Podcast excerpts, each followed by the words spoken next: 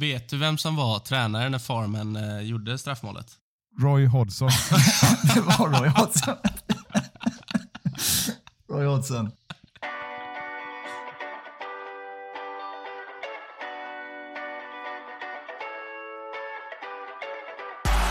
Manchester United score? They always score. Rooney! Oh, wonderful! It's Berbatov! Marcus Rashford! Oh, glorious! That is a special one! It's Beckham!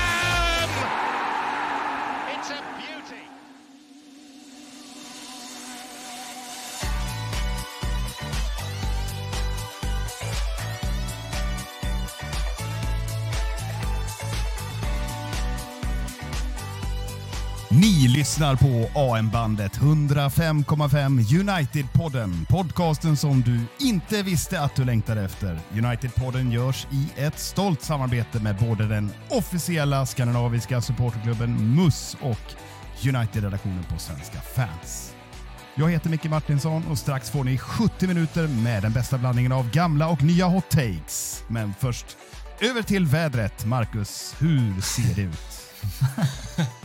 Ja, jo. Fan, det är kul för det var faktiskt Gustav som lyfte frågan här precis innan eh, rec och sa att det var kallt i London. Eh, här i Göteborg är det som vanligt, eh, skulle jag nästan vilja säga. Det är grått, strax över eh, plusgraden och eh, blåsigt. Eh, det är väl så det ser ut här, eh, 90 procent av eh, året. Desto värre. Ja, det känns ändå tryggt att eh, vi varje vecka, när du är med då, det är ju varje vecka, får stanna till här vid den eh, ganska snälla programpunkten, just vädret. Eh, och med det sagt, eh, över till dig nu Gustav, nyss hemkommen från ännu en i raden av extravaganta weekendresor. Vad bar det av denna gången? Äsch. Äsch, så extravagant var det inte. Jo men det var ändå extravaganta Madrid. Jag har precis kommit tillbaka till därifrån faktiskt. Så det, det är väl det där med vädret, det där med kontrasterna när man kommer från relativ värme till relativ kyla. Så det, det är lite kallt här i London. Sitter här i dubbla, dubbla tröjor för att försöka hålla mig varm.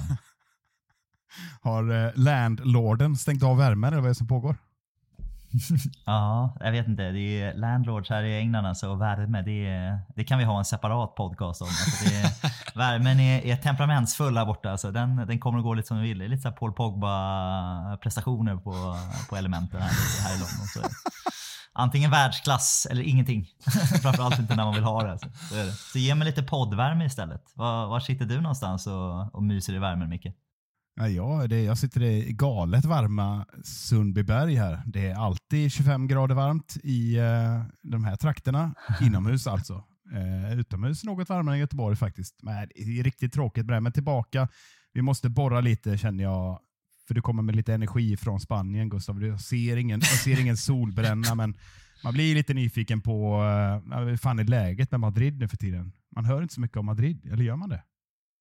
Madrid är lite, ja, men det är lite en underdog för att en, eh, vara en huvudstad i, i Spanien. Jag kommer, det, är lite en, det är fake news att jag kommer med energi här. Så det var en extremt sen Madridnatt här, i, här igår och jag kommer direkt med flyg och jobb. Så jag känner mig aldrig gäspat så här många gånger innan ett avsnitt. Så nu är det verkligen, nu ska det levereras när man trycker på däck.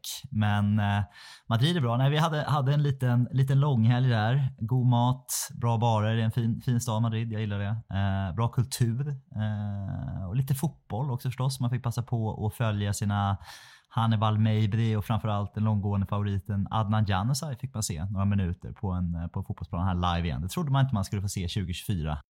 Ja, spännande. Du har också besökt en modern arena låter det som då, eller vad, vad, vad har du egentligen varit? Ja, precis. Man är så. Ja, precis. Vi var ju på var en liten julklapp här faktiskt. För en eh, Santiago Bernabéu-besök här. Så Real Madrid mot Sevilla spelades här. Sen sån här spansk klockan 21 eller 21.30 match här söndag kväll.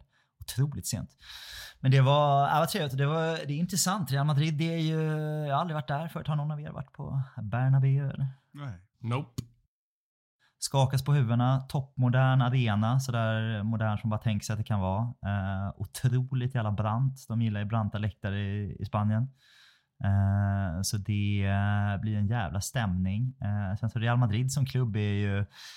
Är, jag kommer ändå från en Stockholmsklubb som, eh, liksom förväntas vara lite överklass, men det är ändå fan överklassen i Real Madrid ändå. Det är fan överklass du. Det är ingen, ingen underklass på de där 85 000 på den arenan. Det är gott om bortskämda fans där som buar i halvtid när det står 0-0. Så det, jag vet inte hur man, hur man förhåller sig till det. Men det, en gång i tiden satt man där som United-fan själv hemma mot Bolton när det bara stod 2-0 efter 70 minuter och kände att det här var en ganska pissmatch. Så det, man har varit där, man har glömt bort hur det är. Ja. ja, härligt. Och så fick du väl se ett eh, läckert mål också va? Eller var det så? Det, det fick jag. Jag fick ju faktiskt, jag hintade här att jag har egentligen bara en enda icke-United-idol fotbollsmässigt och det är Luka Modric. Jag har sett honom en gång tidigare mot just United i en obskyr supercupfinal i Makedonien av alla, av alla extravaganta resmål. Det. Skopje. Ja, Skopje på den. Där har man sett honom förut, men han gjorde ett sån här, eh, jag älskar ju Luka Modric, det ska inte, det ska inte sticka en stol men han gjorde ett sånt här typiskt Luka Modric mål. Där han eh, ger sig själv otroligt mycket tid och yta utan att ens nudda bollen. Med lite, lite kroppsrörelser, lägger bollen till rätta med en touch och sen sånt här hårt, lågt placerat skott in 1-0. Så det var, ja, det var fantastiskt faktiskt. Ja, vi, ni hör ju lyssnarna där hemma att vi försöker göra allt vi kan för att inte gå in och prata om Manchester United. Men ah, vi får väl göra det ändå, eller vad säger ni? Uh, ja, vill du inte prata om Adnan Januzaj då?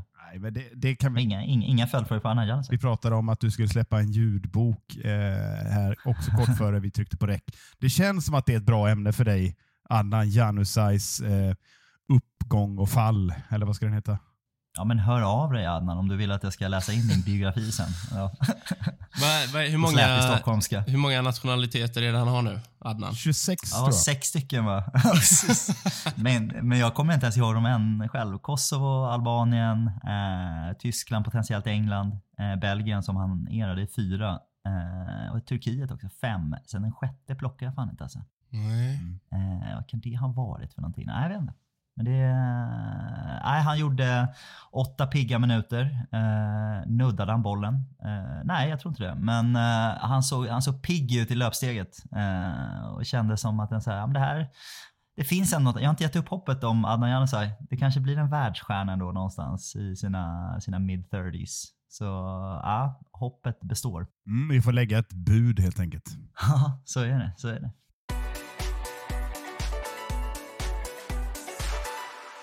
Manchester United vet nu alltså hur det känns att förlora 2024 när man föll på ett extremt snöpligt sätt på övertid mot ligans näst sämsta bortalag. Hur känns det här Mackan när du ska ta dig an veckans Macka? Nej, det känns väl sådär. Eh, jag, jag, jag fick någon sån jävla feeling bara när vi spelade in förra veckan och du sa att eh, Fulham har inte vunnit borta sedan premiären och de, har, eh, de, är, de är sämst i ligan efter Sheffield United på bortaplan. Jag kände det bara, fan det här, det här blir inte bra. Det, det kändes i hela kroppen att fan nu kommer de säkert vinna bara för det. Så när, vi, när man satt och fila på Stryktipskupongen där på förmiddagen så bara, fan ska jag slänga in en tvåa på, eh, på United Fulham där i match nummer fyra? Men så fegar man ur och så blir det ett kryss istället och så satt man där och eh, grämde sig gånger två när Iwobi sköt in eh, 1-2 i 96. Så nej, inte superkul att sitta och tänka tillbaka på den här matchen, men det måste vi väl göra. Det är väl därför vi är här helt enkelt. Därför är här. Men är, är, jag känner bara så här, jag måste bara hugga på det. Är det så att du har lite, lite lätt pessimistisk inställning till den här matchen? Alltså? Är det, är här? Aldrig hänt innan. Nu hå- håller jag på att trilla av stolen här i London. Ja, Ja, lite lätt negativ. Jag, jag, vi, jag och Micke är ju pro-positiva United-fansen här. Det har vi fått representera. Så vi, vi känner väl lite att du, du sitter och ser lite glad ut när, när Fulham ändå gör det här 2-1 målet. Det finns en liten sån här, ah, vad var det jag sa-känsla. Är det så? Nej, men det känns som ni två vill tro att jag, att jag har någon sån känsla i mig. Och som såg att den här jävla Mark Goldbridge, eh, tjommen på, eh, på Twitter, ranta ihjäl om att eh, nu sitter de här Ten Hag out-fansen och jublar när Iwobi gör 2-1. Och om man jublar när ett motståndarlag gör 2-1 i 96, då är man ju inte en United-supporter. Eh, så det kan vi ju bara kasta i papperskorgen att jag skulle sitta och vara glad och tänka att på måndag kan jag säga vad var det jag sa, för det, det, det tycker jag inte är kul någonstans. Ja, men en otroligt eh, lång cliffhanger till veckans macka. Det känns som nu räcker det och så går vi in på den och så får vi fortsätta. Vad Ja, har du ja. till oss? Vilken version har du? Du, det, det blir fan eh, det blir tre sågar idag. För eh, spelar man 90 minuter av den fotbollen så förtjänar ingen att hyllas. Så är det bara. Go och jag ahead. tänker att vi, vi börjar tredje sämst då. Och tyvärr så är det ju då en, eh, en spelare som är lite återkommande på de här listorna den här säsongen. Eh, det är vår eh, kära Lundfete Brasse eh, som Ah, jag vet inte, det, det är liksom samma insats varje vecka och det är, han är sen in och han slarvar med boll och han slarvar utan boll. och Ja, det, är- det är inte lätt att vara Casemiro just nu. Eh, så jag, jag lider lite med honom, men samtidigt så är det så långt ifrån bra att det, mm, det går inte att inte nämna honom på en sån här lista. Jag, skulle kunna, jag vill ändå bara kommentera det direkt från Madrid att det är så att eh, saknar Real Madrid eh, Casemiro? Eh, nej, det gör de inte. Jag vill ändå bara slå fast det. Det är bra. Captain Obvious eh, borta i London. Trevligt. Ja, så är det. Sparkar in öppna dörrar sedan 1987. Så är det. Ja, gå vidare då till Nummer näst, två. näst mest sämst. Nummer två. Eh, här har vi eh, den, eh, den så frustrerande spelaren Marcus Rashford som jag tycker... Så jag tycker det finns en sekvens i matchen som liksom summerar hans säsong i United så bra och det är när Fulham nickar undan en hörna och det blir en, en 50-50-duell mellan honom och försvararen i Fulham. Eh, jag vet inte ens om det är en 50-50-duell. Det känns som att Rashford har 70-30 fördel. Eh, och ska bara gå fram och eh, ja, men, få in den tillbaka i straffområdet. Och han tvekar, han tvekar, han tvekar och så vänder han, vänder han ryggen till och så blir det ett 3 mot 2-läge för Fulham. Ehm, och så ser det ut lite i allt han gör. Att han, alltså även när han har bollen, att han inte riktigt vågar gå dit. Han vågar inte göra någonting. Eh, och nu den här matchen hade han väl eh, inget, ingen vidare hjälp av sina lagkamrater med service eh, och allt därtill. Men jag tycker ändå att eh, prestationen i sig är långt under godkänd. Eh, och då ska man vara på en sån här lista. Mm. Nu är vi nyfikna på nummer ett här då. Ja, och nu eh, återigen till en eh, återkommande spelare på den här listan de senaste eh, veckorna, kanske till och med månaderna. Det är vår kära lagkapten Bruno Fernandes. Som eh, liksom återigen gör en sån här panikinsats där han hela tiden vill göra den avgörande passningen. Även när det inte finns någon att slå den avgörande passningen till. Eh, han hjälps lik Rashford inte av att eh, vårt anfallsspel eh, inte fungerar för fem öre under den här matchen. Men eh, jag tycker att som kapten och som eh, den spelare som ska leda det här laget framåt så, eh, så är det så jävla mycket mer man måste förvänta sig av den här spelaren. Eh, de tekniska kvaliteterna han har får han inte ut någonting av eh, och springer väl egentligen mest runt och klagar både på lagkamrater och motståndare och domare eh, under 90 minuter.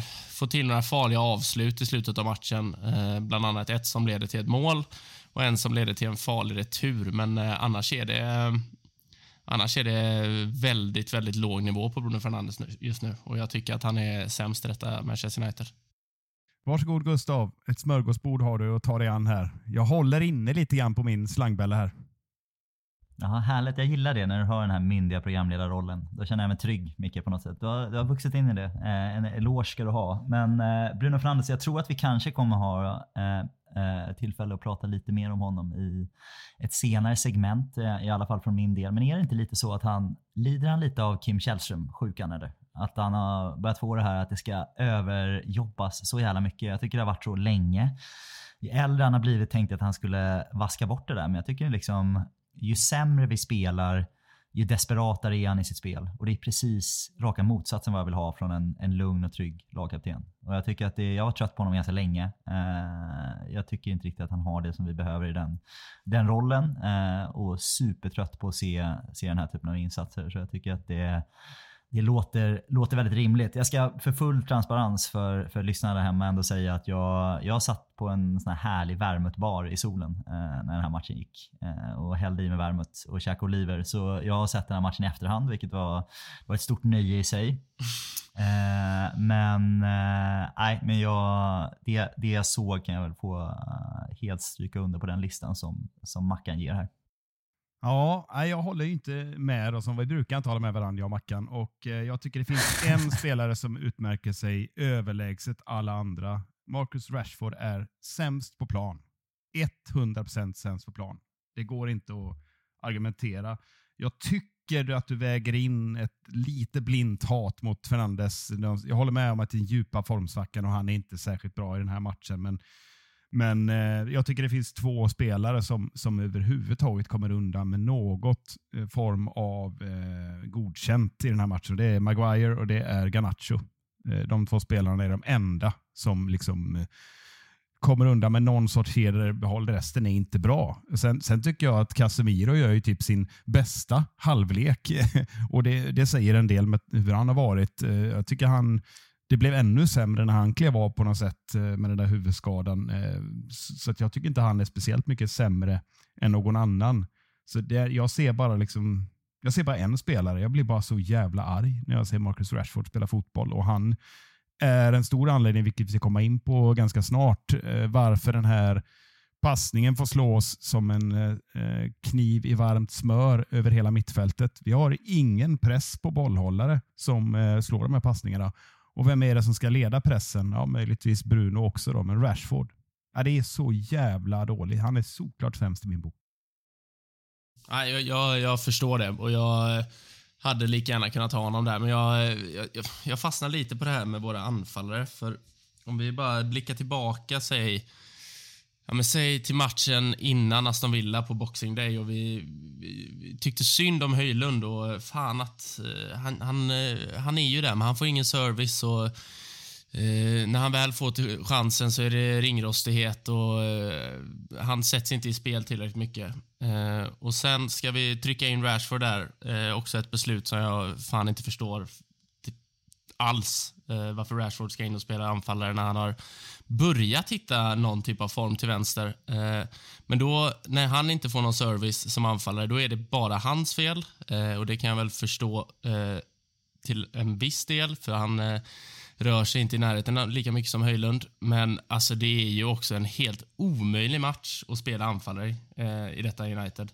Sen brister han i att han ser loj ut och springer inte och eh, skiter i att gå in i dueller, så den kritiken förstår jag till 100 procent. men den blir lite snedriktad när det ska gå på Rashford i, ja, som Bojan Djordjic i paus. Jag tycker det blir, det blir för jävla... Eh, ah, det, det känns som att Rashford är en sån spelare som delar supportrar och eh, just nu så är det så fort man får en anledning till att kasta skit på Rashford så gör man det. Eh, och det tycker jag är lite tröttsamt. Du försvarar alltså honom i den här matchen. Du tycker den här insatsen är, vadå? undrar jag?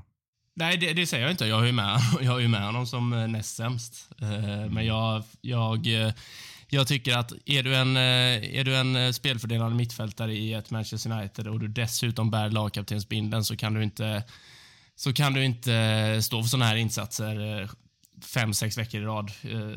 Och Det har Bruno Fernandes gjort och det blir inte bättre. Nej, det, det ser inte jättebra ut. Om vi ska gå vidare lite grann till att titta på den här matchstarten som jag har lite funderingar kring. Men eh, eftersom Gustav är ursäktad kring sin eh, oliv och vad sa vad hette drycken? Värmut. Värmut eh, eftermiddag där så eh, vänder jag tillbaka till dig igen Mackan och vill liksom ha en, gärna en lite nykter utläggning här på vad är, vad, är det för, vad är det för typ av matchplan Ten Hag tänker sig här mot, hemma mot ligans näst sämsta lag? Oh, du, om jag visste det, då hade jag inte suttit här, eh, känner jag. Men eh, det är väl, eh, jag tycker det är lite så som vi har sett i många matcher den här säsongen, att United kommer liksom fel in och inte riktigt vakna. Eh, och så har Fulham gjort sin hemläxa eh, och vet hur de ska hitta den här ytan eh, som, eh, som uppstår på Uniteds mittfält egentligen hela tiden. Eh, det, var, det var kul, jag skrev att jag ville vad, vad fan var det jag skrev på Twitter efter 18 minuter? Jag skrev jag vill riva ut mina egna ögon. Mm. Eh, och då, till och med Micke höll med mig då och då kände jag nu då är det någonting som står riktigt jävla fel till med Uniteds spel. Men eh, det är ju det som du säger, alltså Rashford ska leda pressen tillsammans med Bruno. Eh, och jag tycker väl båda går upp så här lite alibi-pressar, eh, mittbackarna i Fulham. Eh, och så följer Mainu med upp och så följer yttrarna med upp och så blir Casemiro och eh, backlinjen kvar stående lågt. Då är det svårt att eh, då är det svårt att kontrollera en matchbild oavsett om du möter Fulham eller om du möter Wigan. Eh, så jag förstår inte riktigt matchplanen för femmare. Jag fattar Nej. inte. Nej, för jag, jag, jag, jag skrev till Gustav, vi hade en liten separat chatt. Eh, Jag får ju, eh, jag är ganska positivt lagd, men jag får eh, ja, ett par, tre gånger per säsong så får jag en så kallad meltdown. När jag ser rött och det var ett sånt här tillfälle. Och Det kan ju många tycka, då, men vad, vad fan så ser det ut varje match. Men jag tycker inte det. För jag tycker det här, den här matchen, starten på den, är ju det sämsta jag har sett. Eh, ja, det är möjligtvis, vad har vi? Liksom? Vi har Liverpool 0-7, men det är ett alldeles för bra lag att jämföra med. Vi har Brentford där vi ger bort två mål och torskar 0-4. Den här hemska andra matchen för Ten Hag eh, förra säsongen. Men det här, den här matchplanen som du är inne på, eh, när man inte ser någonting vad United vill. Ställa om, absolut, det är våra styrkor. Men just hur man tar sig an en match på hemmaplan. Eh, man lämnar över hela initiativet till Fulham.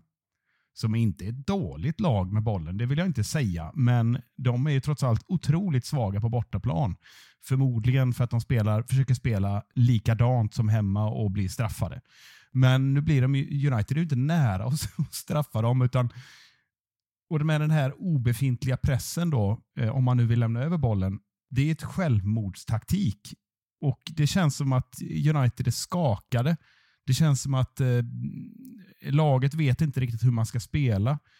Och Då kan vän av ordning tycka men så, så har det sett ut alla matcher. Men det har det inte riktigt tycker jag. Jag tycker United har börjat i regel matcherna ganska bra och sen har vi tappat i mitten på matcherna om man ska gå dra ett grovt snitt. Men det här förstår jag ingenting. Alltså vi har ju inte många perioder i matchen när det känns som att vi spelar hemma och äger matchen.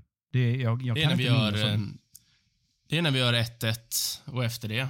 Då, då, så här 88 minuter in i matchen, då vaknar gubbarna och tänker fan det här kanske vi kan vinna. Eh, vilket, vilket i sig bara gör mig ännu mer provocerad. För det bevisar ju att Fulham faktiskt inte är så jävla bra när man sätter lite press och när man behåller boll och när man bygger anfall genom eh, tålamod. Eh, så nej, jag är fan helt med dig Micke. Jag, eh, jag tycker det här var den klart sämsta prestationen eh, i år om vi bara ser till eh, spelplan och eh, ja, vad United ville göra. För det, jag förstod inte någonting i 85 Nej. minuter. Jag vet inte Gustav om du har sett eh, intervjuerna här efteråt. Jo. Harry Maguire går ut och har en bild och eh, får mothugg av sin tränare.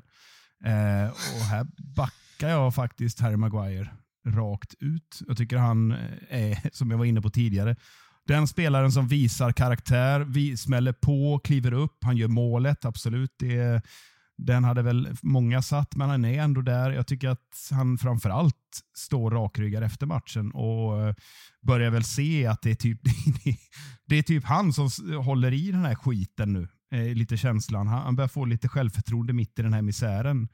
Men Gustav, vad, vad, vad, vad säger det när en före detta lagkapten går ut ganska tydligt och så får han mothugg från sin tränare? Nej, men det är, det är ett sjukhussyndrom, eller vad heter det? Ett, sjukdomssyndrom, ska jag säga, inte sjukhussyndrom. Men, eh, och det, är- det är ju problematiskt. Jag, tycker, jag håller med mycket av det ni säger när jag ser det också. Jag blir provocerad. Jag, jag tycker att det, det här är en viktig match. Mm. Eh, Det, det kan man inte tro, men vi, vi har ju faktiskt spelat oss till, inte nödvändigtvis för att vi har varit så himla bra, men att vi har en ganska bra chans här att glida in på en topp 5-plats som allra största sannolikhet ger Champions League-plats, vilket är tio garanterade Champions League-matcher nästa år istället för sex, vilket är jätteviktigt för den resan vi är på. Och det känns inte riktigt som att det delas, det commitment från, från våra spelare. Eh, inte bara den här matchen utan även, även andra matcher. Eh, det känns lite som att man man går och väntar på att ah, men det är mycket som ska hända i sommar nu. Många utgår ifrån att det blir en ny, ny tränare. Eh, Jadon Sancho ska komma tillbaka och ge det en ny chans etc. Det är må många som liksom går och väntar på, på att det ska bli nystart här i sommar och det, är- det är inte okej. Och det är framförallt de här spelarna som, som Mackan tar upp och som vi kritiserar. eh, som ska leda det här laget och ta ansvaret, de, de känns inte på hugget. Men sen, vi vet ju, alltså, vi vet ju att det finns individuell kvalitet eh, och hög kvalitet bland många av de här spelarna i truppen. Så det är inte det. Så när de väl slår på det sen, när man får lite känn, ja nu behöver vi bara kämpa på i 25 minuter för att sätta 2-1 här när det står 1-1.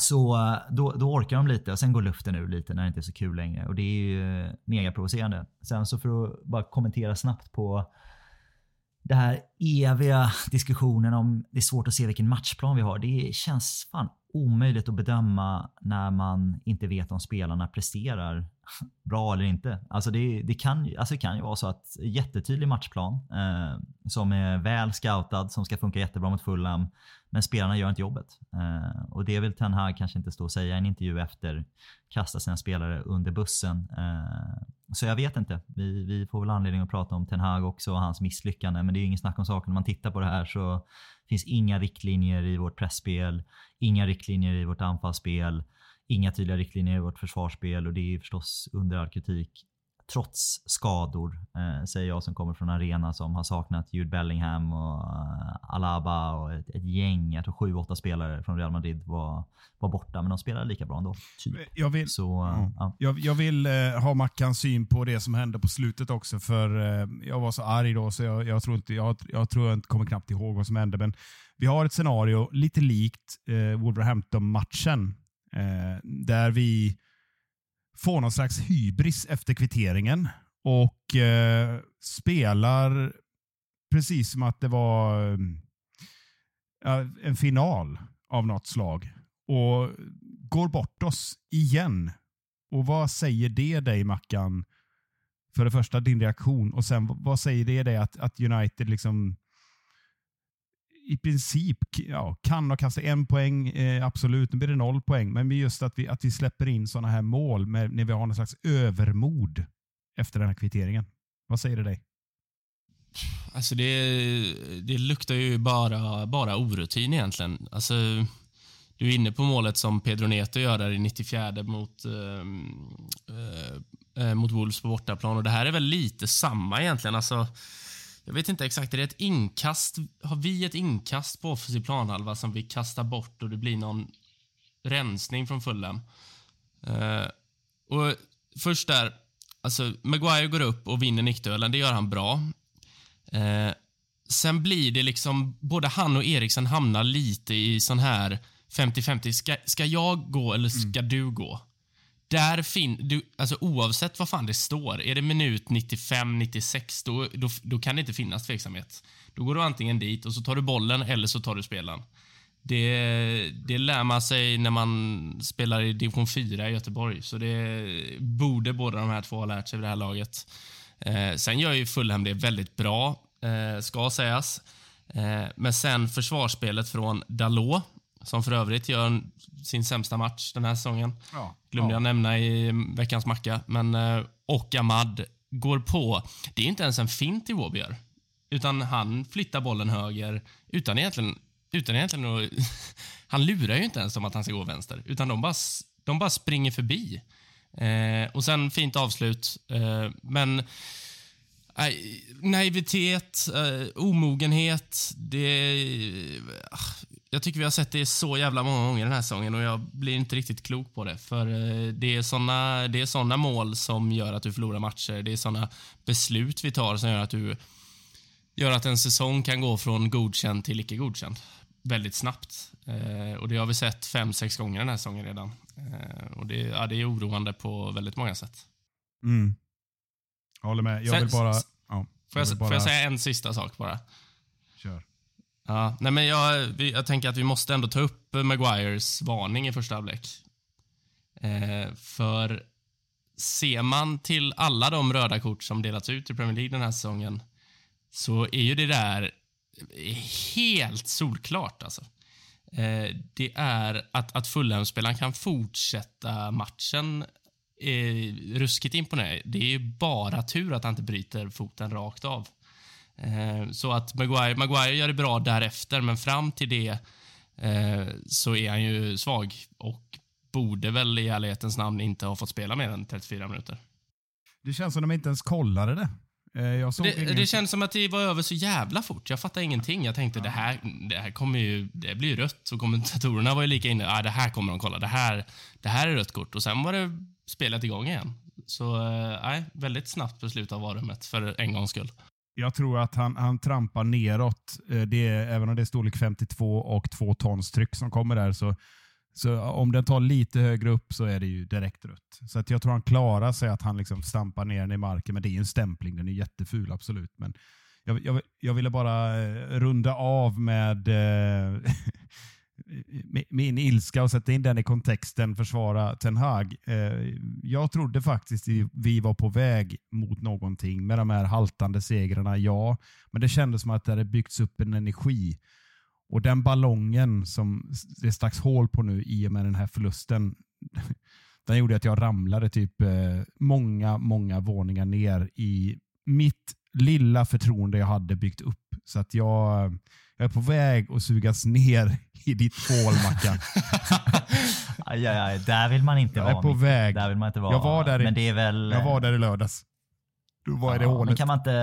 Jag, jag vet inte, jag är inte lika mycket ytterligheter på någon sida. Jag har inte varit helt att jag tror på Ten Hag. Garanterat, vi kommer att prata lite mer om det sen heller. Men eh, det jag tycker ändå man kan konstatera är ju den spelare som vi har haft som är mest in form och som har burit oss här senaste veckorna var ju inte med. Och vi har ju pratat om vilken alltså, otrolig brist på eh, substitut vi har där uppe när nu då Höjlund inte, inte spelar.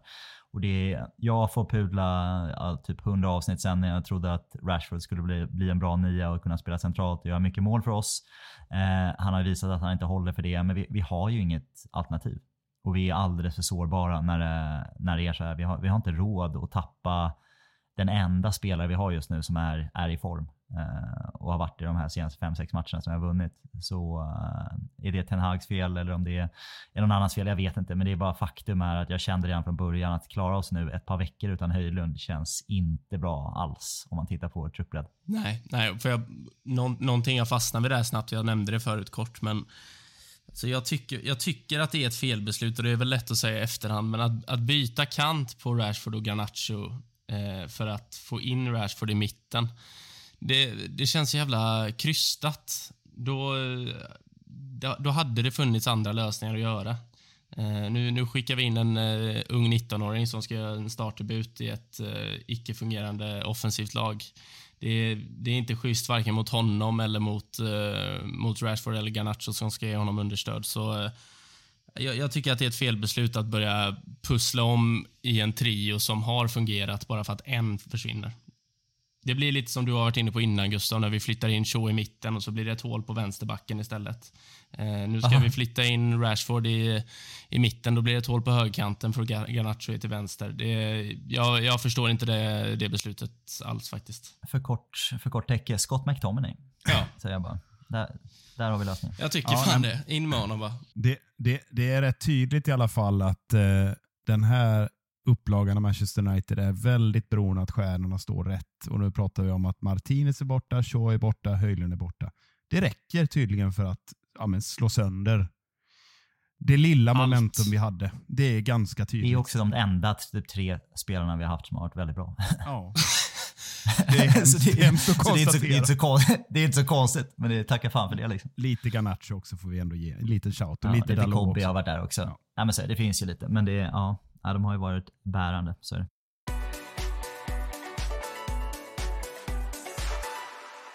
Succésegmentet Talk of the Town är tillbaka med tre påståenden med aktuella ämnen som vi helt enkelt diskuterar om de är sanna eller inte.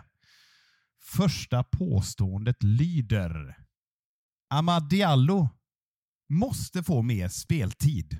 Mackan, det här brinner du för. Ja, men jag, jag gör ju det. va. Jag, eh, jag tycker att det är en... Eh, jag tycker att Ahmad har kvaliteter som United behöver. Jag tror att eh, Ahmad besitter många kvaliteter som vi trodde att Anthony skulle bidra med. Han är en, en winger såklart, eh, men han har också egenskaper i att han kan driva boll, han kan öppna ytor för sina eh, lagkamrater där uppe. Eh, han kan ta sig inåt i banan, han kan gå på utsidan.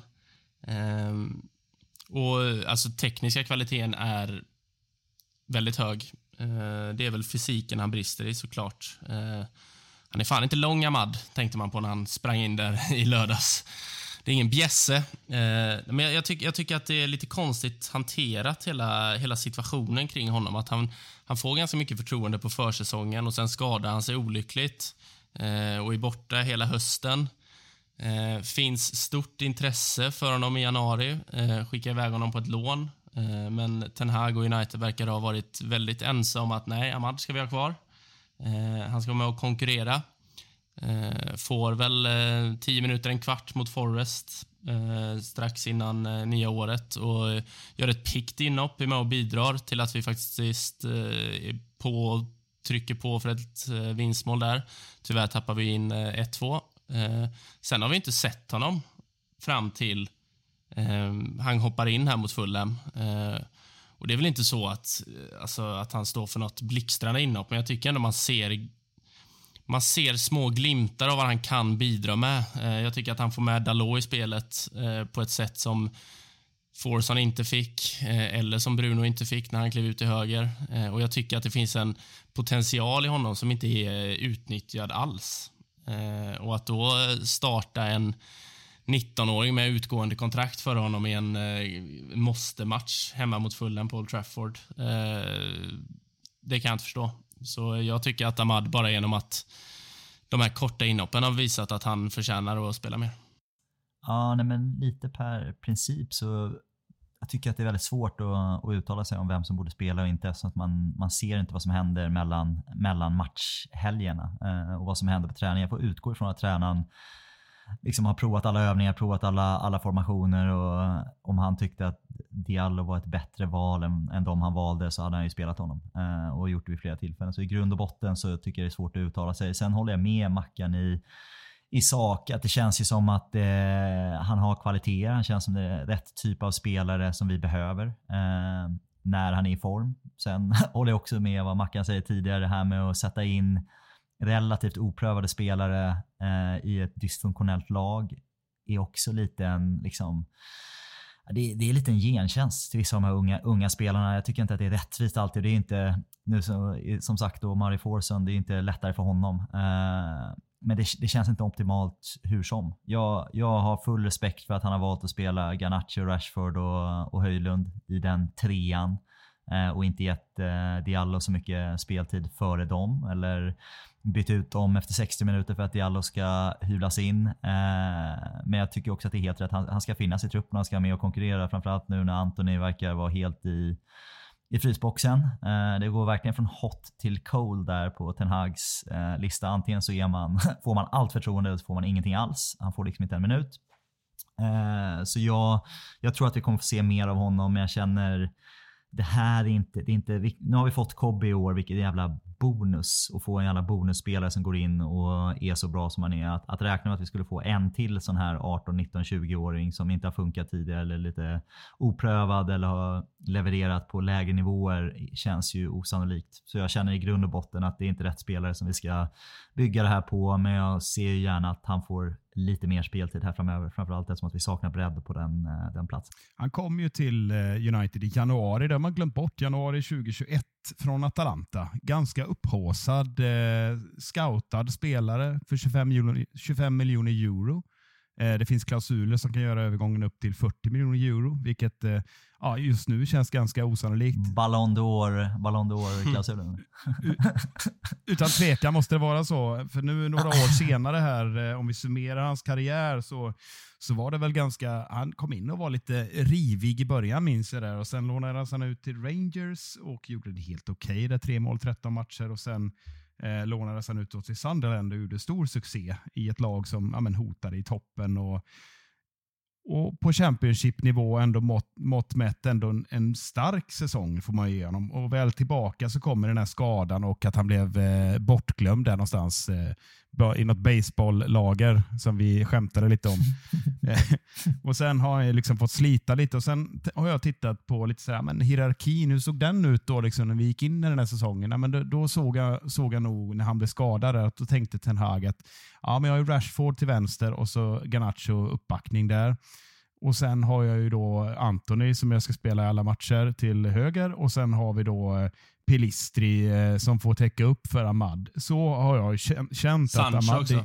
Sancho ja, Sancho hade vi också. Men att det fanns liksom en, en stark konkurrens. Man ändå rankade Pelistri längst ner av de där. Och sen, sen har det hänt en hel del saker. Och nu, så jag tycker inte det är så konstigt att han inte har fått så mycket spelstil, speltid.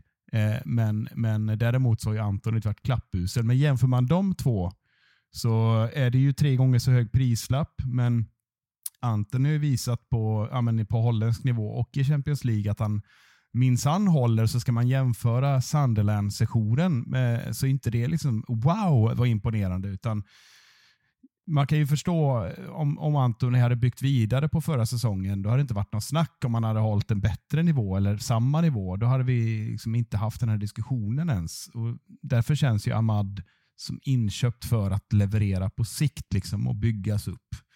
Men där han står nu, det tycker inte jag alls det är konstigt att han inte har så mycket speltid. Är det inte så, nu är jag kanske ute och cyklar, men kom inte, eller signade vi inte honom på sommaren och så kom han i januari sen? Var, gick inte han i samma veva som, var det inte Donny van de Beek och Pelistri och Diallo som ja. kom typ samma sommar och så kom han först i januari. Så mm. Och man tittar, tittar på det laget vi hade då så kände man ju så här, men det här är spännande. Nu bygger vi för framtiden för vi har en jävla massa etablerade spelare här som vi ska bygga på. Eh, kul, vi fyller på med lite ungt folk. Det var liksom aldrig riktigt tänkt att de skulle komma gå rakt in i det här laget. Men vi, vi tryckte ändå iväg en 60, 70, kanske 80 miljoner pund på, på de här tre spelarna. Alltså Pelistri, Van de Beek och, och Diallo. Ja. Det, det blir man lite knäsvag för. Alltså. Det blir man. Fina Murta att leverera. ja, men jag, jag, alltså jag, jag, förstår, jag förstår att han inte kliver rakt in i elvan. Liksom. Särskilt inte de senaste veckorna när, när både Garnacho och, och Rashford faktiskt presterat. Framförallt Garnacho eh, har ju varit väldigt bra sen han flyttades över till högerkanten. Eh, men det känns liksom som att han aldrig är han är aldrig eh, heller den här första spelaren Ten Hag byter in när vi jagar ett mål eller när vi, när vi ska byta en, eh, en ytterspelare, vilket jag, jag, tycker det är mm, märkligt, för som sagt, när han kommer in så tycker jag alltid att han visar glimtar till att han kan bidra. Och det tycker jag inte man kan säga om Anthony. Eller, eller alltså Forson må vara jätteduktig och han är ung och men det är skevt att starta en 19-åring med ett utgående kontrakt före en eh, Ahmad som eh, har presterat på seniornivå innan. Eh, jag, jag, jag, förstår inte riktigt eh, Jag förstår inte riktigt hierarkin alls. Liksom Anthony hoppar in som vänsterback i 99 minuten, så han är väl längst ner där nu. Får vi väl utgå från. Så får vi göra. Men eh, om vi summerar ihop det här då, till, innan vi går vidare. Vad, vad säger vi? Eh, får, kommer Ahmad få mer speltid? Vi, vi kör en sån kristallkula istället. Mackan? Ja. Gustav? Alltså mer än, än 15 minuter på senaste ja. ja, jo, absolut. Ja. ja. men det är jag helt övertygad om. Och jag tycker framförallt att han förtjänar det. Så svar ja då. Ja, jag säger nej. Stor utrensning krävs i sommar. Minst tio spelare bör lämna. Och För att ge lite kontext till detta så noterar vi att det haglar in olika nyheter på plattformen X med en bild på Ratcliffe och eh, Ineos eh, want this and want that och etc. Ja, ni vet. Men det, det finns ju ändå rykten, eh, flera sådana, om att det kommer att ske en stor utrensning. Och för att bygga vidare på den kontexten tänkte jag servera herrar Gustav och Mackan en liten kontraktsöversyn här så vi kan ha någonting att sätta tänderna i. Och börjar vi med de kontrakten som går ut eh, i sommar så kan vi konstatera att det mer eller mindre är sannolikt att de här spelarna lämnar. Några klartecken har vi fått, eh, andra kan vi spekulera om. Men vi har ju Heaton i mål, lär väl lämna. Vi har William som är på lån. Han lär väl också lämna. Evans, Martial och Amrabat. Eh, vi fortsätter så får ni gå in och hugga sen, tänker jag. Om vi tittar på de kontrakten som går ut 2025, vilket innebär att det går in på sin sista säsong till hösten. Och Det har vi Lindelöv, Eriksen, Varan och Aron Wan-Bissaka. Och Sen har vi ett gäng till som har 2025 och ett litet optionsår. Och Där finner vi McTominay, Maguire, Ahmad och Greenwood som fortfarande tillhör Manchester United. Det får man inte glömma bort. Och Sen finns det lite övriga frågetecken, men jag tänker inte gå in på det. Utan med det här smörgåsbordet, eh, Gustav, du får faktiskt äran att börja här nu. Du hade ju en liten genomgång här förleden, men eh, när du hör de här namnen läses upp, det är ju fem, nio, ja, det är ett gäng. Det är 14 spelare det här som jag läste upp som har kontrakt som går ut eh, antingen i sommar eller eh, ja, 2025. Eh, får jag bara lägga till en sak innan Gustav? Varans kontrakt enligt The Athletic så är det inte ett optionsår på det utan det går ut i sommar. Jag har för mig det står 2025 på hans kontrakt, men vi får tvista om det.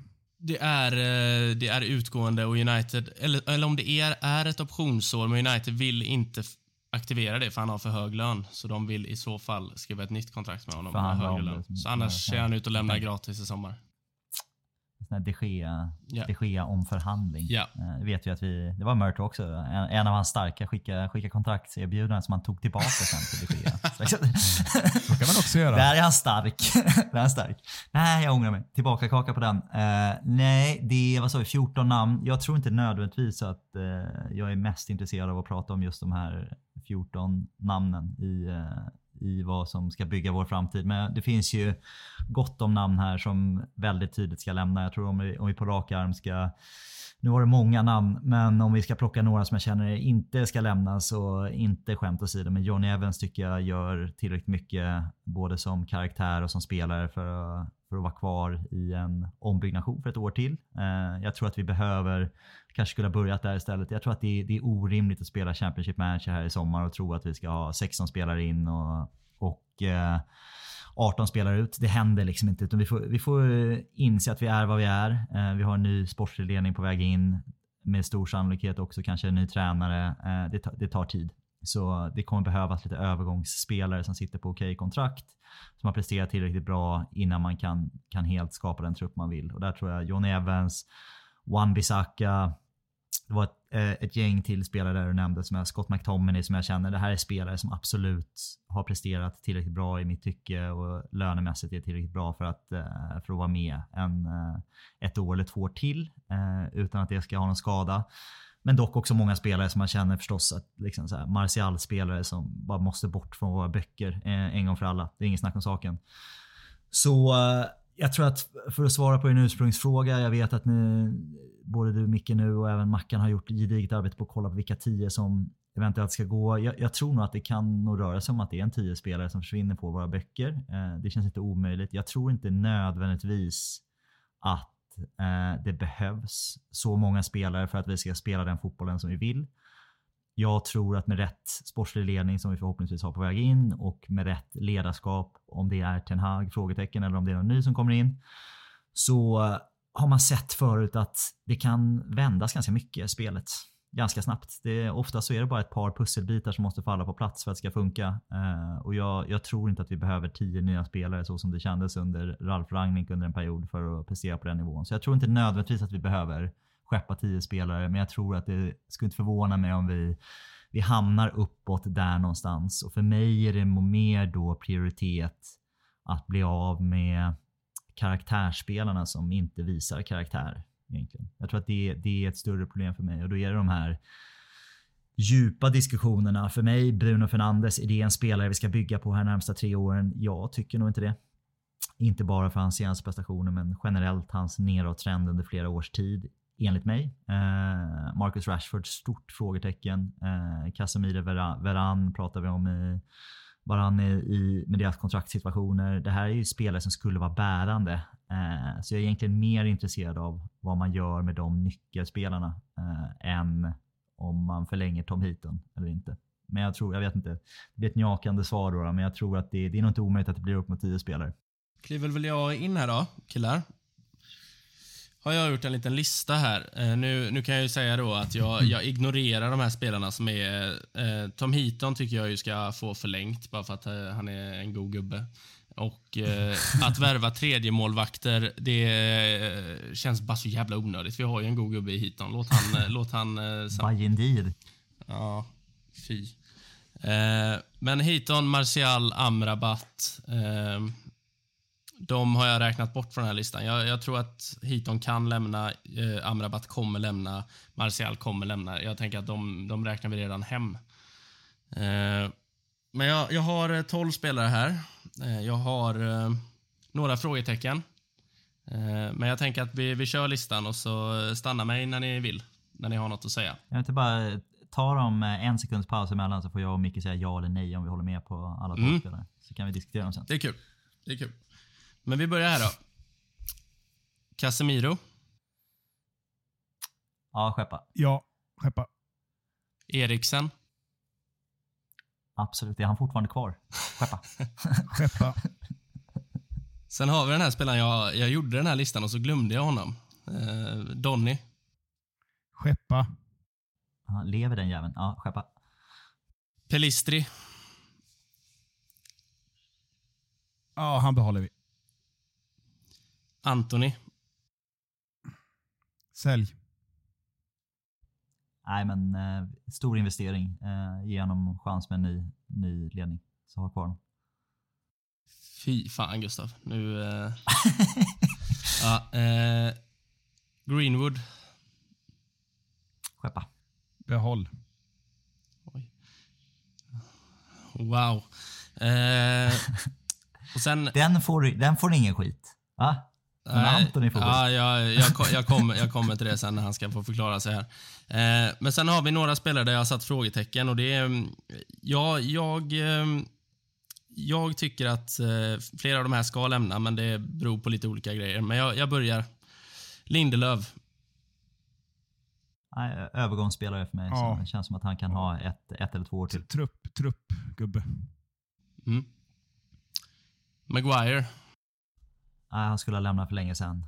Så det, det blir bättre att han söker sig någon annanstans. alldeles för stor lön. Det går inte att ha kvar honom. Han skulle må bättre av ett klubbyte. Eh, Varan.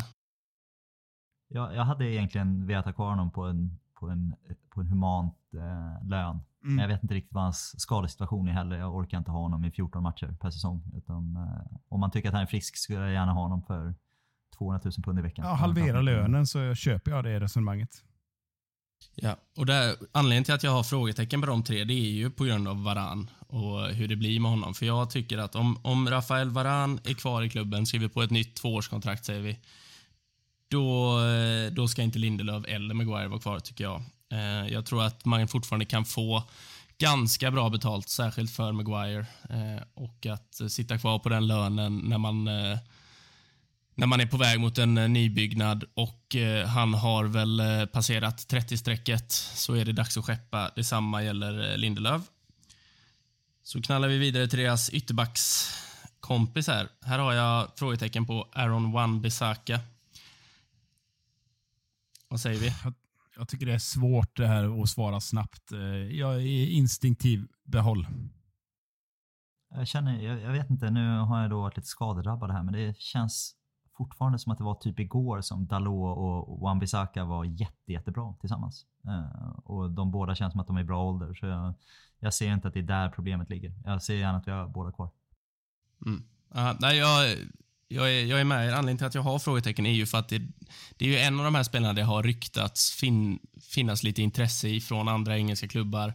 Eh, och Jag tänker att får du ett bud på 25-30 miljoner pund så är det nog dumt att tacka nej till det för en, eh, för en spelare som inte är första valet. Det är mer att det är så här, ja, de, det är pengar, men det, det ger oss inte så mycket. Om man tittar på de här Financial Fair Play-reglerna, de, de vi behöver bli av med, det är väl mer, det är väl emot mig själv då. Det är väl Anthony, de här stora investeringarna, framförallt lönemässigt och transfersummor. Det är de vi vill skriva av, typ Jadon Sancho-lönerna vi vill skriva av. Att om vi får 25 miljoner cash på någon som vi köpte för 35 miljoner, 40, han var dyr i och för sig. Eller vad kostade han? Ja, närmare, fem, närmare 50 tror jag.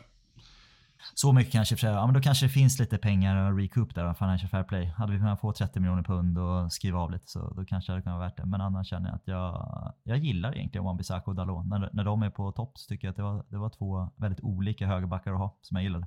Mm. Nästa, nästa frågetecken. Jadon Sancho. Skicka åt helvete. Ah, Avsky karln alltså.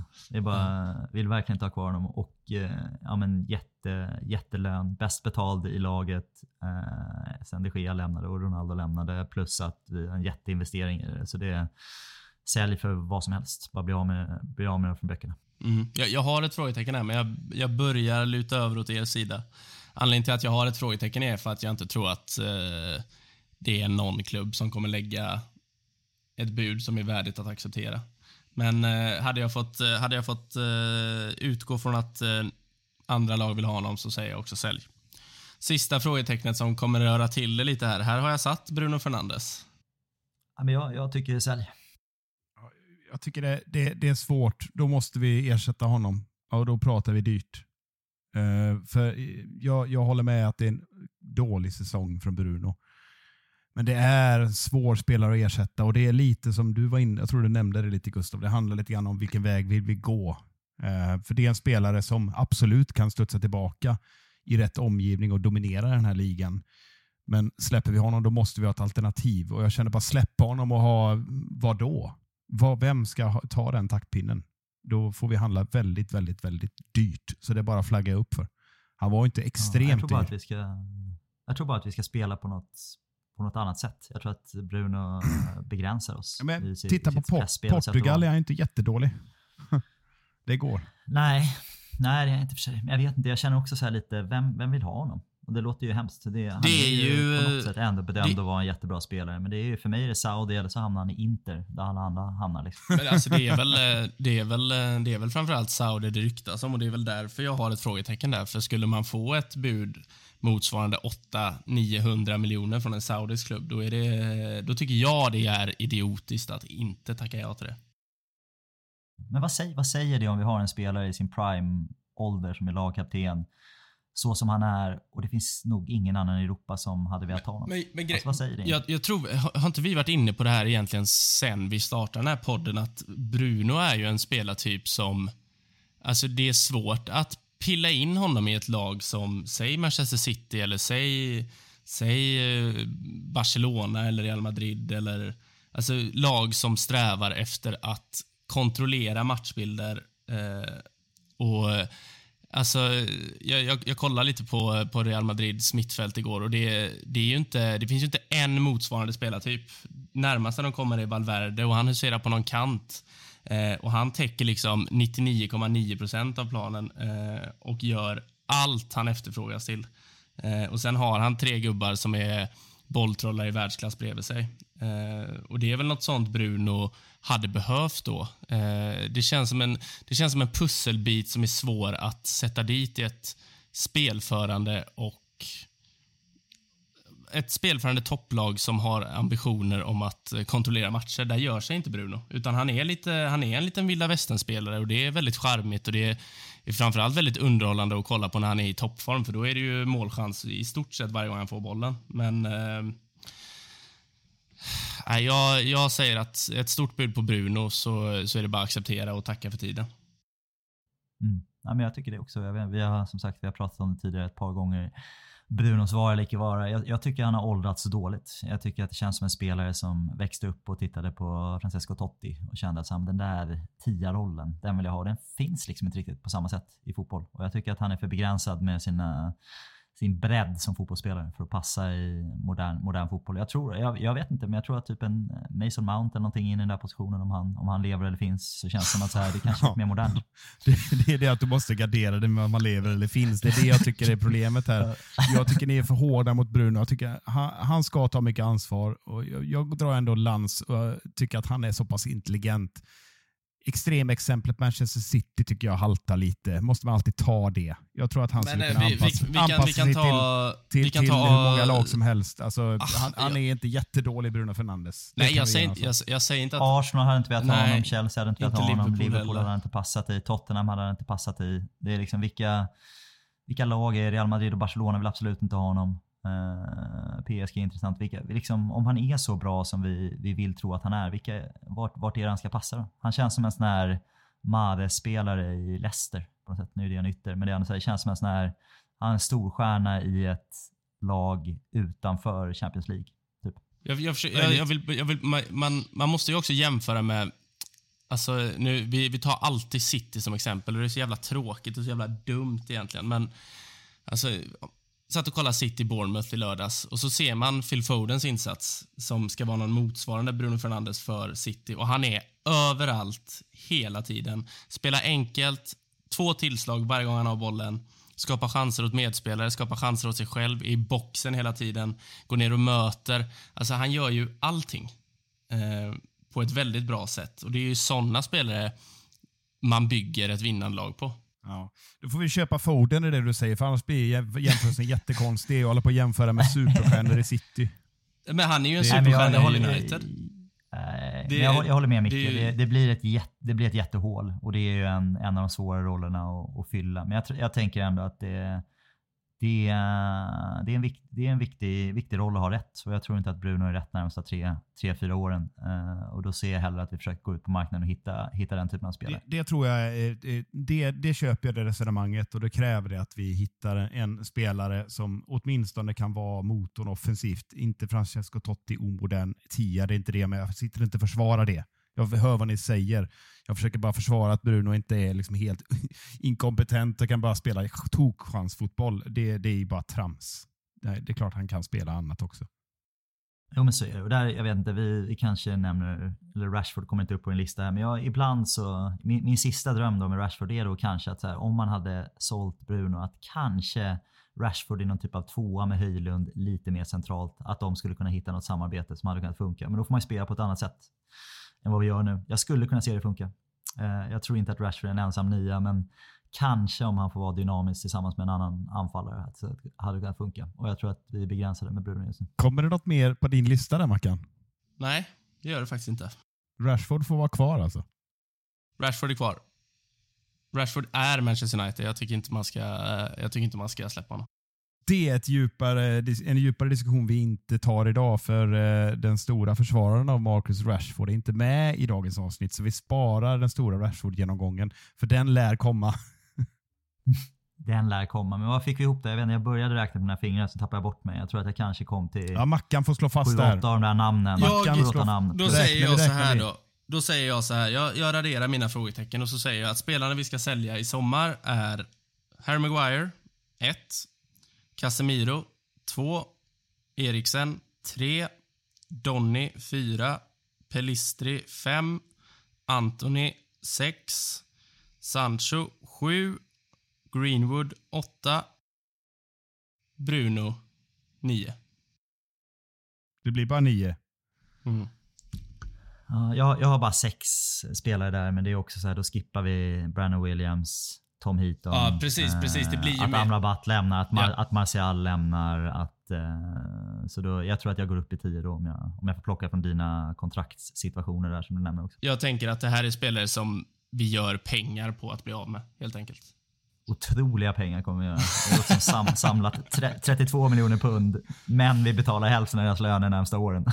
Och de 32 miljonerna punden kommer komma närmsta fem åren i olika installments. Känns det. Det, det, är tragiskt, det är tragiskt på något sätt att den spelaren, förutom Bruno, som vi kan tjäna mest på här, är Mason Greenwood. Det är liksom eh, det är dåligt på så många sätt och vis, så jag vill inte ens gå in i det.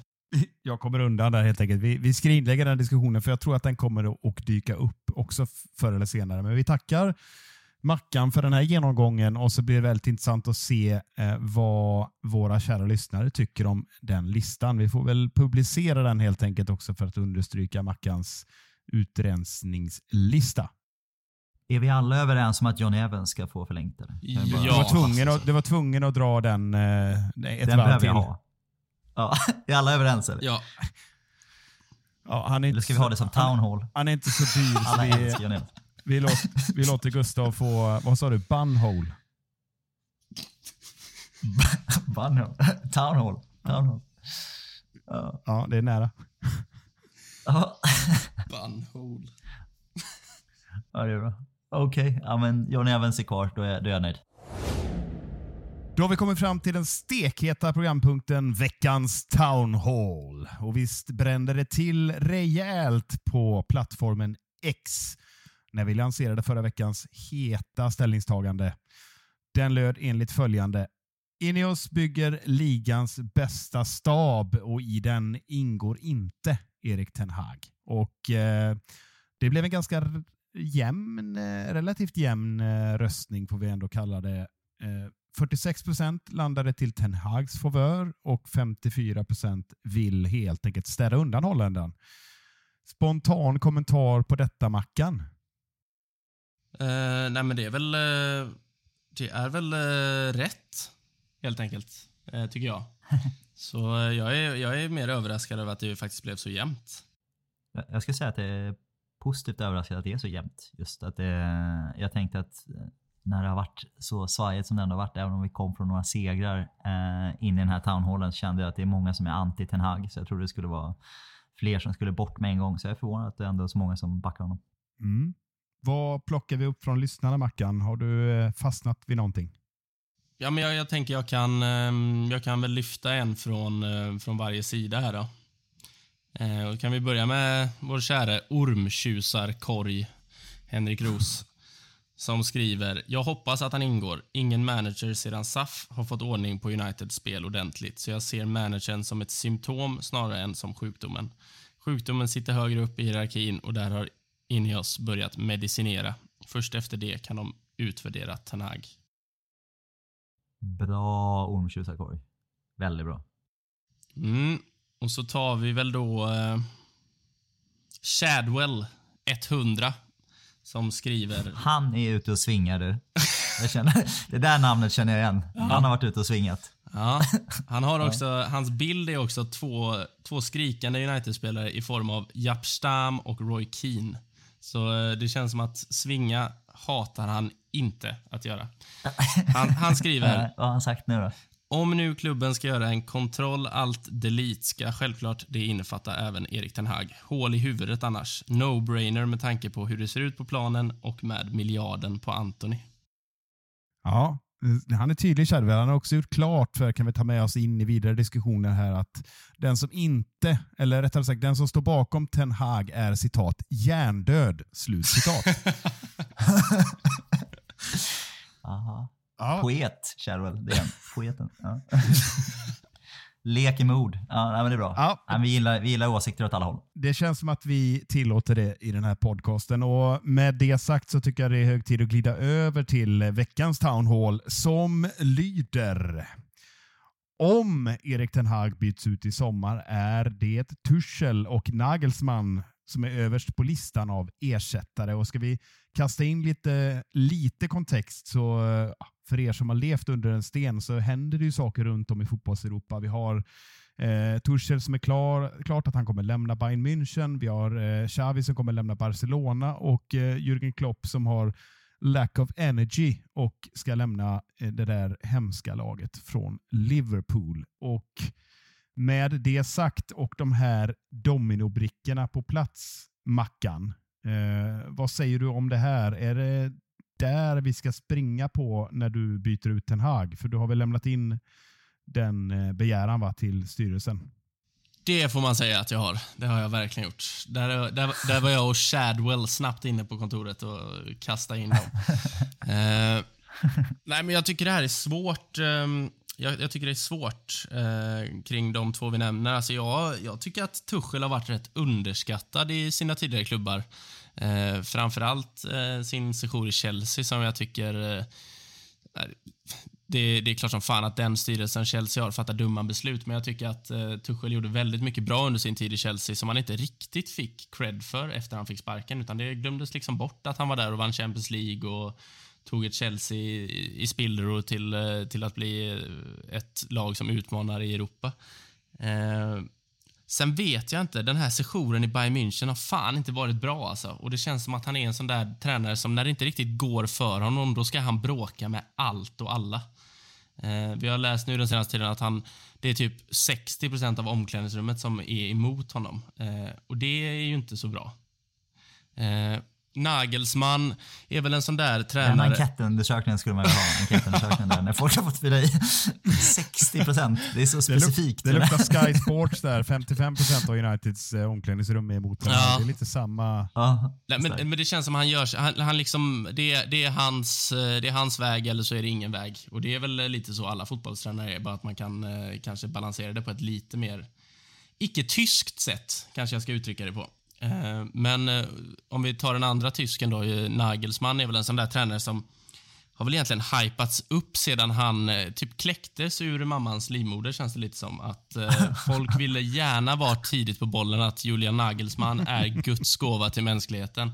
Och Sånt är jag lite trött på generellt. Eh, att liksom bara för att han är ung så ska man hypa honom direkt när han tar sin första klubb. Men eh, med det sagt så tycker jag att eh, det han har gjort, framförallt i Leipzig, men även under delar i Bayern München, det är hög klass. Eh, och folk liksom kastar lite bort hans sejour i Bayern som att nej, men den var misslyckad. Men ah, han går liksom obesegrad genom dödens grupp i Champions League och leder Bundesliga i alla omgångar förutom en. Sen får han sparken och då är det tydligen ett misslyckande. Det är väl bara i Bayern München Eh, det bedöms som ett misslyckande. Eh, så jag tycker att han är en väldigt spännande tränare som eh, vars filosofi tror jag hade passat i en klubb som Manchester United. Det är offensiv, fröjdig fotboll med mycket mål framåt och solida defensiva lag också.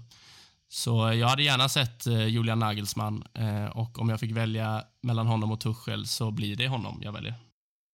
Mm. Gustav kontrar gärna med, är det bara de här två namnen eller har vi något mer som vi kan blanda in i ekvationen? Om det nu blir så att Ten Hag får gå, vill säga. Jag, är, jag är tråkig när det gäller sånt här med både transferspekulationer och matchspekulationer. Jag känner att jag inte riktigt har tillräckligt bra insyn. Jag, jag, känner i grund och botten att min, min högsta prioritet är att få den nya sportsliga ledningen på plats. Att de får göra ett grundarbete över vad som inte funkar i United. Jag känner mig väldigt, väldigt trygg. Överraskande positiv till vilka ledare man verkar få in i den här organisationen. Jag hade inte ens kunnat drömma om när vi började den här säsongen.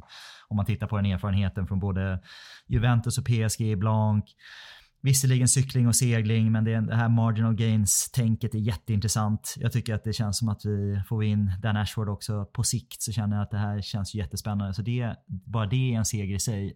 Sen så jag, jag lämnar inte helt liksom, stängd dörr för att de kanske tycker att sin filosofi, att Ten Hag är rätt man att fortsätta med. Jag tycker inte att det känns helt omöjligt. Eh, så jag skulle kunna se att det händer om så inte är fallet, vilket om jag då ska tala emot mig själv lite, jag kan inte komma på när någonsin en ägare med mycket pengar har kommit in i en klubb och låtit den nuvarande managern vara kvar. Om man inte är Glaciers som tog över med Sir Alex Ferguson då, eh, av förklarliga skäl fick han vara kvar.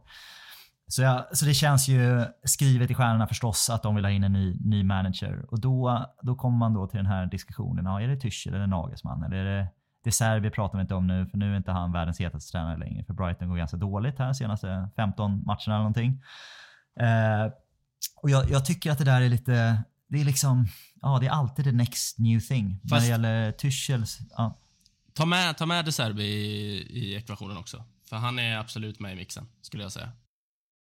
Ja, nej men det är bra för det är ändå signifikativt för min, min poäng. Att jag tycker att det är lite där, ja det är de här tränarna och Graham Potter var så jävla het ett tag och så gick han till Chelsea och så gick inte det så bra och så nu är han iskall och så är det nu De Serbi då som är så jävla het ett tag och så nu går det inte så bra och så är han då inte riktigt lika het eller så är han det. Eller, men det är det här att liksom trä, tränare som har varit bra en säsong eller två. Nu är det Xabi Alonso som tydligen är världens bästa tränare. För det, det går jättebra i Leverkusen nu och det, det, de spelar jättebra. Fantastiskt.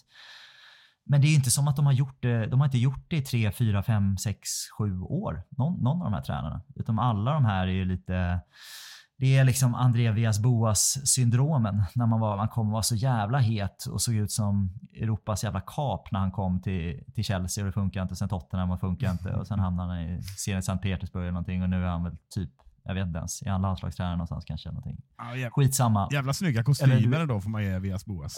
ja, en väldigt, väldigt, eh, väldigt tvålfager man. Eh, men det är för mig, de här namnen som vi pratar om i alla fall. Thomas Tuchel för mig är, han misslyckas väl i PSG i grund och botten. Och det är så här, hur fan misslyckas man i PSG? Ja, det är att man inte vinner Champions League, men han lyckas väl också inte vinna ligan, eller, eller vann han ligan? Eller han vann ligan. Det var Pochettino som inte vann ligan med PSG. Men i alla fall, de, de bedömde det som något typ av misslyckande. Och det kan man tycka man vill om PSGs kravbild. Eh, Chelsea, ja men fantastiskt kupplag. Eh, påminner om att även Roberto Di Matteo har vunnit Champions League med Chelsea. Eh, inte världens bästa tränare. Avram eh, han gjorde det väldigt imponerande. Aaron Grant har varit i final. Precis. Aaron Grant. Eh, så jag tycker att så här, på något sätt så bedömde de ju ändå i Chelsea att så här, nej men det här känns inte rätt efter vad? Typ ett och ett halvt, två år eller någonting. och Bayern München nu som det typ inte ens ska gå att misslyckas med. Redan efter ett halvår så är man, nej men vi säger upp det i sommar liksom. Det känns, jag tycker det känns oroväckande. Jag har i grund och botten gillat Tyschel för hans första period i Chelsea också och känt att ah, men det är nog fan en spännande tränare. Men sätter jag alla de här namnen mot Ten Hag före Ten Hag kom till United. Ja men tre jävligt spännande år i Ajax, eller tre, fyra år och fantastiskt jävla Champions League-prestationer och gick till semifinal. Och liksom vunnit titlar och spelar, spelar en positiv fotboll och charmar hela Europa etc. Så känns det som att så här, det är typ samma lika för mig. Uh, och det, är det någonting jag tycker vi saknar så är det kontinuitet. Och jag vill bara säga, ja men om de vill köra på Nagels, då eller Tyschel, ja men fan ge honom fem år då. På riktigt. Eller ge dem tre år. Ha tålamod.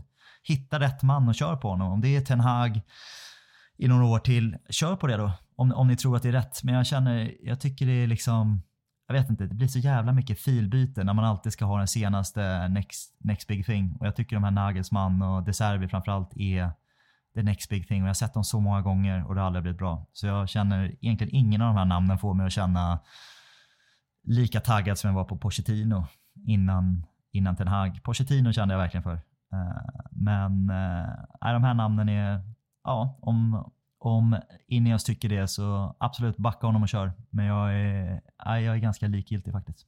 Ja, jag ska inte tråka ut lyssnarna med att repetera hälften av vad du sa Gustav. Jag konstaterar bara att jag stryker under allt det du säger. Eh, det var behärskat och bra och landar, kommer strax, strax in Mackan, landar precis där jag tycker. Eh, för det är, mm, det är vad det är. Men eh, någonting som jag funderar kring det här är ju att det har gått undan kring eh, Eh, tillsättningar av starka nyckelpersoner. Det får vi ändå notera att det, man vilar inte på hanen här, Ratcliffe och company. Så därför känner jag spontant att det mer och mer är så, givetvis hur det går. Fortsätter vi att rada upp förluster här nu och liksom är totalt avhängda, då, då vet inte jag vad som händer. Men, men eh, känslan är, blir det ett tränarbyte så kommer det kommuniceras ganska tidigt, i min känsla. Och eftersom det finns lite lediga herrar då har ju det arbetet redan satts igång om man nu eh, väljer att utvärdera Ten Hag under pågående säsong. Sen eh, kan vän av ordning säga då att ja, nej men, eh, det är gardening leaves, eh, ett ord som är otroligt hett just nu. Eh, det måste vi ta hänsyn till. Ja, men känslan är att de herrarna som inrör dem i grytan är inte vilka som helst. Så att eh, de här besluten kommer nog att mala på parallellt med säsongen. Så med det sagt så eh, jag eh, fegar ur den här diskussionen och säger att jag tror de kommer ta rätt beslut. Väljer de att satsa på Ten Hag, då tror jag på det. Väljer de att satsa på någon annan, då tror jag på det. Det, det är väl en eh, nykter och rimlig tanke och jag, jag delar många av Gustavs värderingar, framförallt kring det här med tålamod. För jag, jag vet inte om jag kanske har fått det att framstå som att jag är väldigt icke tålmodig kring tränare här senaste, ja, senaste det veckorna. Har det. Du har känt väl. Men, ja, men, men alltså, det, det, Dagens understatement det, presenteras av Marcus Eriksson. men det, det, det, är så lätt och det, det är många, framförallt United-supportrar som, som alltid eh, har det här argumentet. Men kolla på Fergusons första år. Eh, och Jag tycker att det faller så jävla platt eh, kring alla såna här diskussioner. För det är liksom det är ett exempel som sticker ut från mängden. Hur många tränare är det som är i en klubb i 26 år? Eh, att bara ge tålamod. Nej, att bara, ja, och att bara ge tålamod för tålamodets skull. Det tror jag inte på eh, i någonting. Alltså, Ten Hags, om, om, om alla hade haft Ten Hags tålamod som han har med Anthony, då hade väl förmodligen världen varit, hade. Ja, hade, då hade förmodligen världen varit en bättre plats. Så är det ju. Men, men du kan ju inte, du kan inte ha tålamod och tro på att någonting som kontinuerligt har sett likadant ut under ganska lång tid bara ska vända. Jag är för tålamod i många fall, men inte när ingenting tyder på att det vi ser kommer förändras. Eh, Arsenal gav Arteta tålamod när det såg knackigt ut i början. Och jag, jag var väl en av dem som var väldigt kritiska mot Arteta. Jag tyckte att hans tränargärning inledningsvis i Arsenal blev väldigt överskattad av många. Eh, men där fanns det väl liksom embryon till att, ah, fan, det, det, det, vill han göra med det här laget. Det vill han uppnå. Och Sen har han pinpointat spelare som gör det laget bättre. Eh, och Det kan man ju tyvärr inte säga om Ten Hag. Eh, vi har sett att han gjorde en väldigt bra debutsäsong och fick med sig många bra resultat, men även att spelet hackade lite och vi undrade lite när, fan, när, när ska vi se det här Ajax-spelet i United? Eh, och Sen konstaterade han i höstas att nej, vi kommer aldrig kunna spela som vi gjorde i Ajax. Och Det blir ju skevt på så många sätt och vis, för han är ju rekryterad för att han fick Ajax att spela på det sättet. Eh, och Sedan dess har vi inte sett någonting som tyder på vad det, eller som, som ger en ett hum om vad det är han vill uppnå. Och att bara då ge tålamod för ett tålamodets skull tycker jag blir... Det känns liksom som något önsketänkande. Men om man får vara här i tre år till, då, då blir det nog bra. Men varför? V vad är det som gör att ni tror det? Det är bara där jag vill komma. Liksom. Det är jättefint att man ska tro på honom och det stöttar jag i alla lägen. Men då vill jag gärna ha en anledning till varför gör du det? Inte bara, jo men jag gör det. För det blir liksom skevt på väldigt många sätt.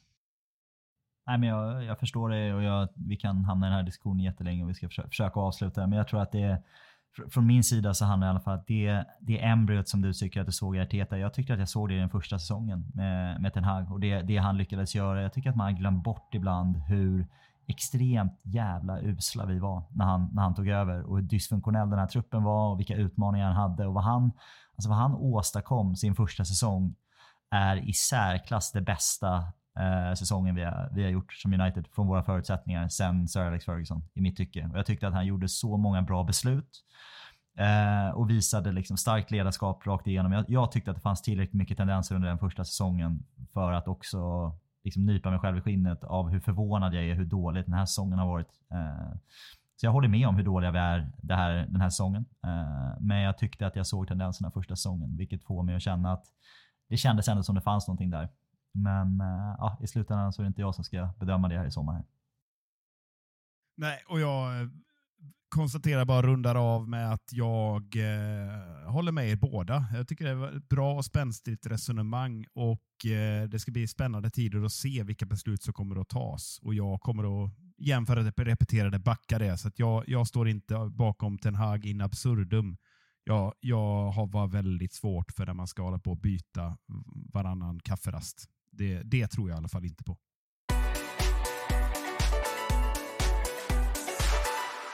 På onsdag klockan ish 20.30 eh, under the lights kliver Manchester United ut i åttondelsfinal i FA-cupen och där stöter man på Nottingham Forest. Har jag lärt mig att man ska säga. Man ska inte uttala H i Nottingham.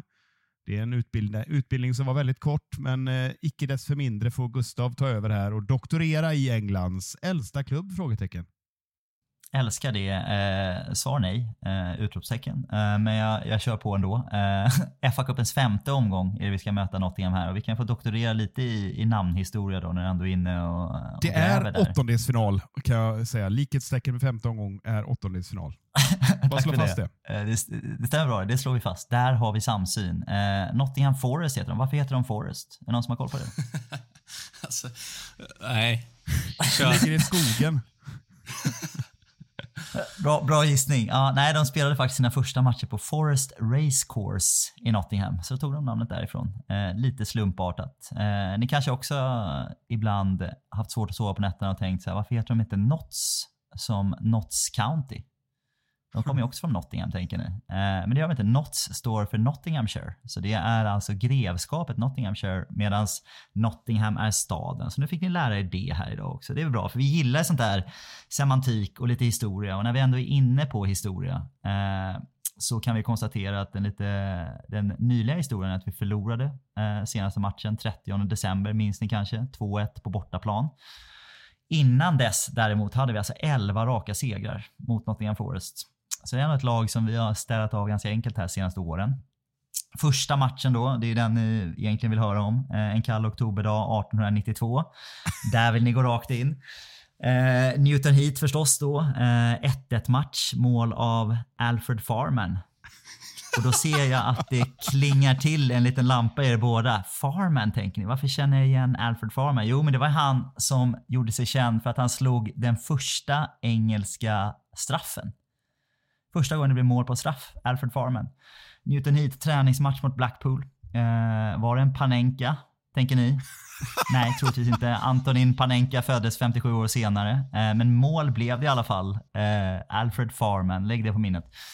1-1 i första matchen. Ska vi köra lite mer nutid då? Idag, eh, en miljon cirka spelartransfers har de gjort här. Eh, sen de gick upp i Premier League. Eh, men slåss fortfarande i botten av ligan. Fyra poäng från nedflyttning ovanför Luton Town.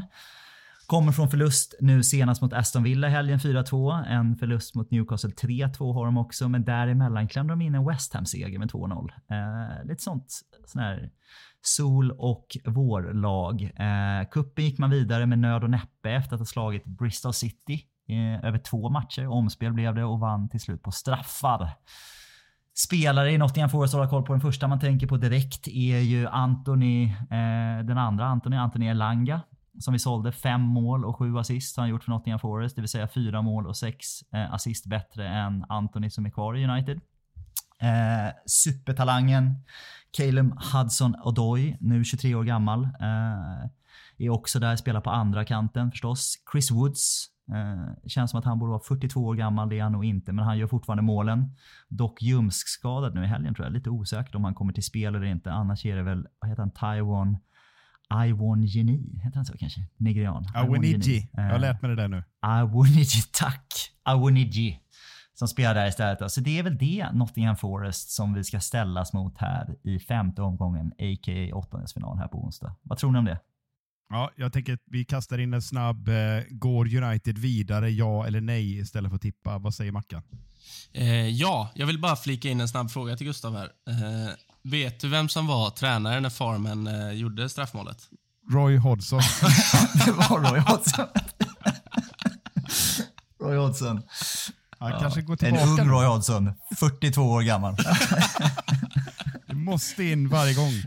Ja, till, Gjorde sitt sjunde tränaruppdrag. Alla 1800-talsreferenser måste Roy Hodgson nämnas. jag har tränat en jävla massa lag, men skit i Roy nu. Går vi vidare, ja eller nej Mackan? Eh, ja. Gustav? Jajebus, som Adam hade sagt. Och jag säger att vi åker ur. Oj, Motvalls vill han vara, Mr Martinsson. positiva Micke ja. Det har vi bytt ut nu. Nu har vi gått in i Harvey Two-Face-delen. Och på tal om det så är det väl hög tid att ta sikte mot eh, nästa motståndare. För det är nämligen så att på söndag, på den skeva starttiden 16.30 som eh, en del försökte föreslå att det var vintertid och sommartid det berodde på. Nej, man ska spela då tydligen och då möter vi eh, vidriga Manchester City på en arena som är känd för ja, sin, sina låga decibelnivåer. Så eh, med det sagt, så se till att höja upp decibelnivån nu Gustav, för det brukar vara tyst när City spelar hemma. Som det brukar vara. Va? Och det är som alltid när det ska vara motståndarkoll på Manchester City så är jag helt ointresserad av att prata om, om deras fotbollsprestationer. Vi kan konstatera att de är ett av, på fotbollsplanens, världens bästa lag. Eh, men vid sidan om den otroligt impopulära. Eh, avstängningar från brott från, mot finansiella regler av Uefa, eh, dock upphävt i domstol. 115 regelbrott mot Premier Leagues finansiella regelverk i väntan på dom, det vet vi om. Eh, så på, på alla sätt ganska vidrigt klubbygge, Manchester City, tycker jag. Eh, jag lider genuint med de ursprungliga City-fans som behöver representeras av det här laget idag. Eh, och egentligen det enda jag vill prata om när det gäller Manchester City är någonting jag delade i den här gruppen eh, för någon vecka sedan tror jag, när det var Transfermark som släppte lite fakta här. Eh, där de visade topp 10 klubbar med högst souvenirförsäljning i världen. Tröjor och pennskrin och allt vad det kan vara. Va? Inga direkta över, överraskningar där i toppen. Det var Barcelona och Real Madrid. Vi var femma. Eh, alla usual suspects. Men på den här topp 10-listan så saknas Manchester City. Det är konstigt. Alla framgångar till trots. Eh, dominanta i både Europa, tripplar och eh, Premier League-titlar. Men ändå så verkar de inte ha så stor popularitet globalt. Eh, man kan tycka att det här är lite konstigt. Eh, City som lyckas förhandla till sig samma höga tröjsponsorsumma som United, 70 miljoner pund om året eh, för att finnas där på magen. Vi har Team Ewer, de har Etihad. Eh, bara där är konstigt i sig. Eh, för bara några centimeter från magen eh, så har ju faktiskt City uppe på sitt bröst har de en Puma-logga. Vi har en Nike-logga. Där däremot, när marknaden ska prissätta, då är United värt 90 miljoner pund om året och Manchester City bara värt 65 miljoner pund. Det är konstigt när, när det inte finns någon tröjsponsor från Abu Dhabi så får man inte samma, samma pris som Manchester United. Så det är lustigt. Det kanske har någonting att göra med att Citys ägare eh, är bror till styrelseordföranden för flygbolaget Etihad. Kanske, men det där får en domstol lösa. Oavsett vilket, eh, ett riktigt, riktigt oskönt äckligt lag, Manchester City. Och det, det är de vi ska möta. Jag ser alltid fram emot att möta dem, försöka vara lite smolk i deras bägare. Så ja, jag ser fram emot att möta dem i helgen. Spännande och det är en bra övergång till eh, en tipsrunda där vi skriver ut resultat här och eh, då får du tillbaka den direkt här Gustav. Hur kommer det gå på söndag? Eh, känns tufft va, spelmässigt. Man får vara, får vara realist för en gångs skull. Vi, eh, vi kämpar oss till en eh, 2-2 match. Mackan? Det är kul där. Jag tror Gustav är den enda i podden som ser fram emot matchen på söndag. Jag var och eh, drack öl med Adam i lördags eh, och det första han gjorde när vi sa att det är City borta nästa söndag 16.30 var att kolla jobbkalendern och sa, åh fy fan vad jag hoppas att jag jobbar då. Eh, så han ser inte fram emot matchen. Jag ser inte jättemycket fram emot matchen. Jag tror tyvärr att det kan bli, det kan bli blodigt på söndag. Så jag säger att eh, vi får vara nöjda med en eh, 3-1-torsk. Ja, men det, det, är tydligt att eh, City har hackat lite grann nu när toppkonkurrenterna mosar precis allting. Eh, så eh, slår de sig fram med 1-0 och andra uddamålsvinster. Men det känns som att eh, det laget vi tar fram eh, på planen kommer liksom inte kunna mäta sig med ett City som maler ner oss. Så jag tror att det blir två bollar. Eh, så 0-2 säger jag och då är jag snäll.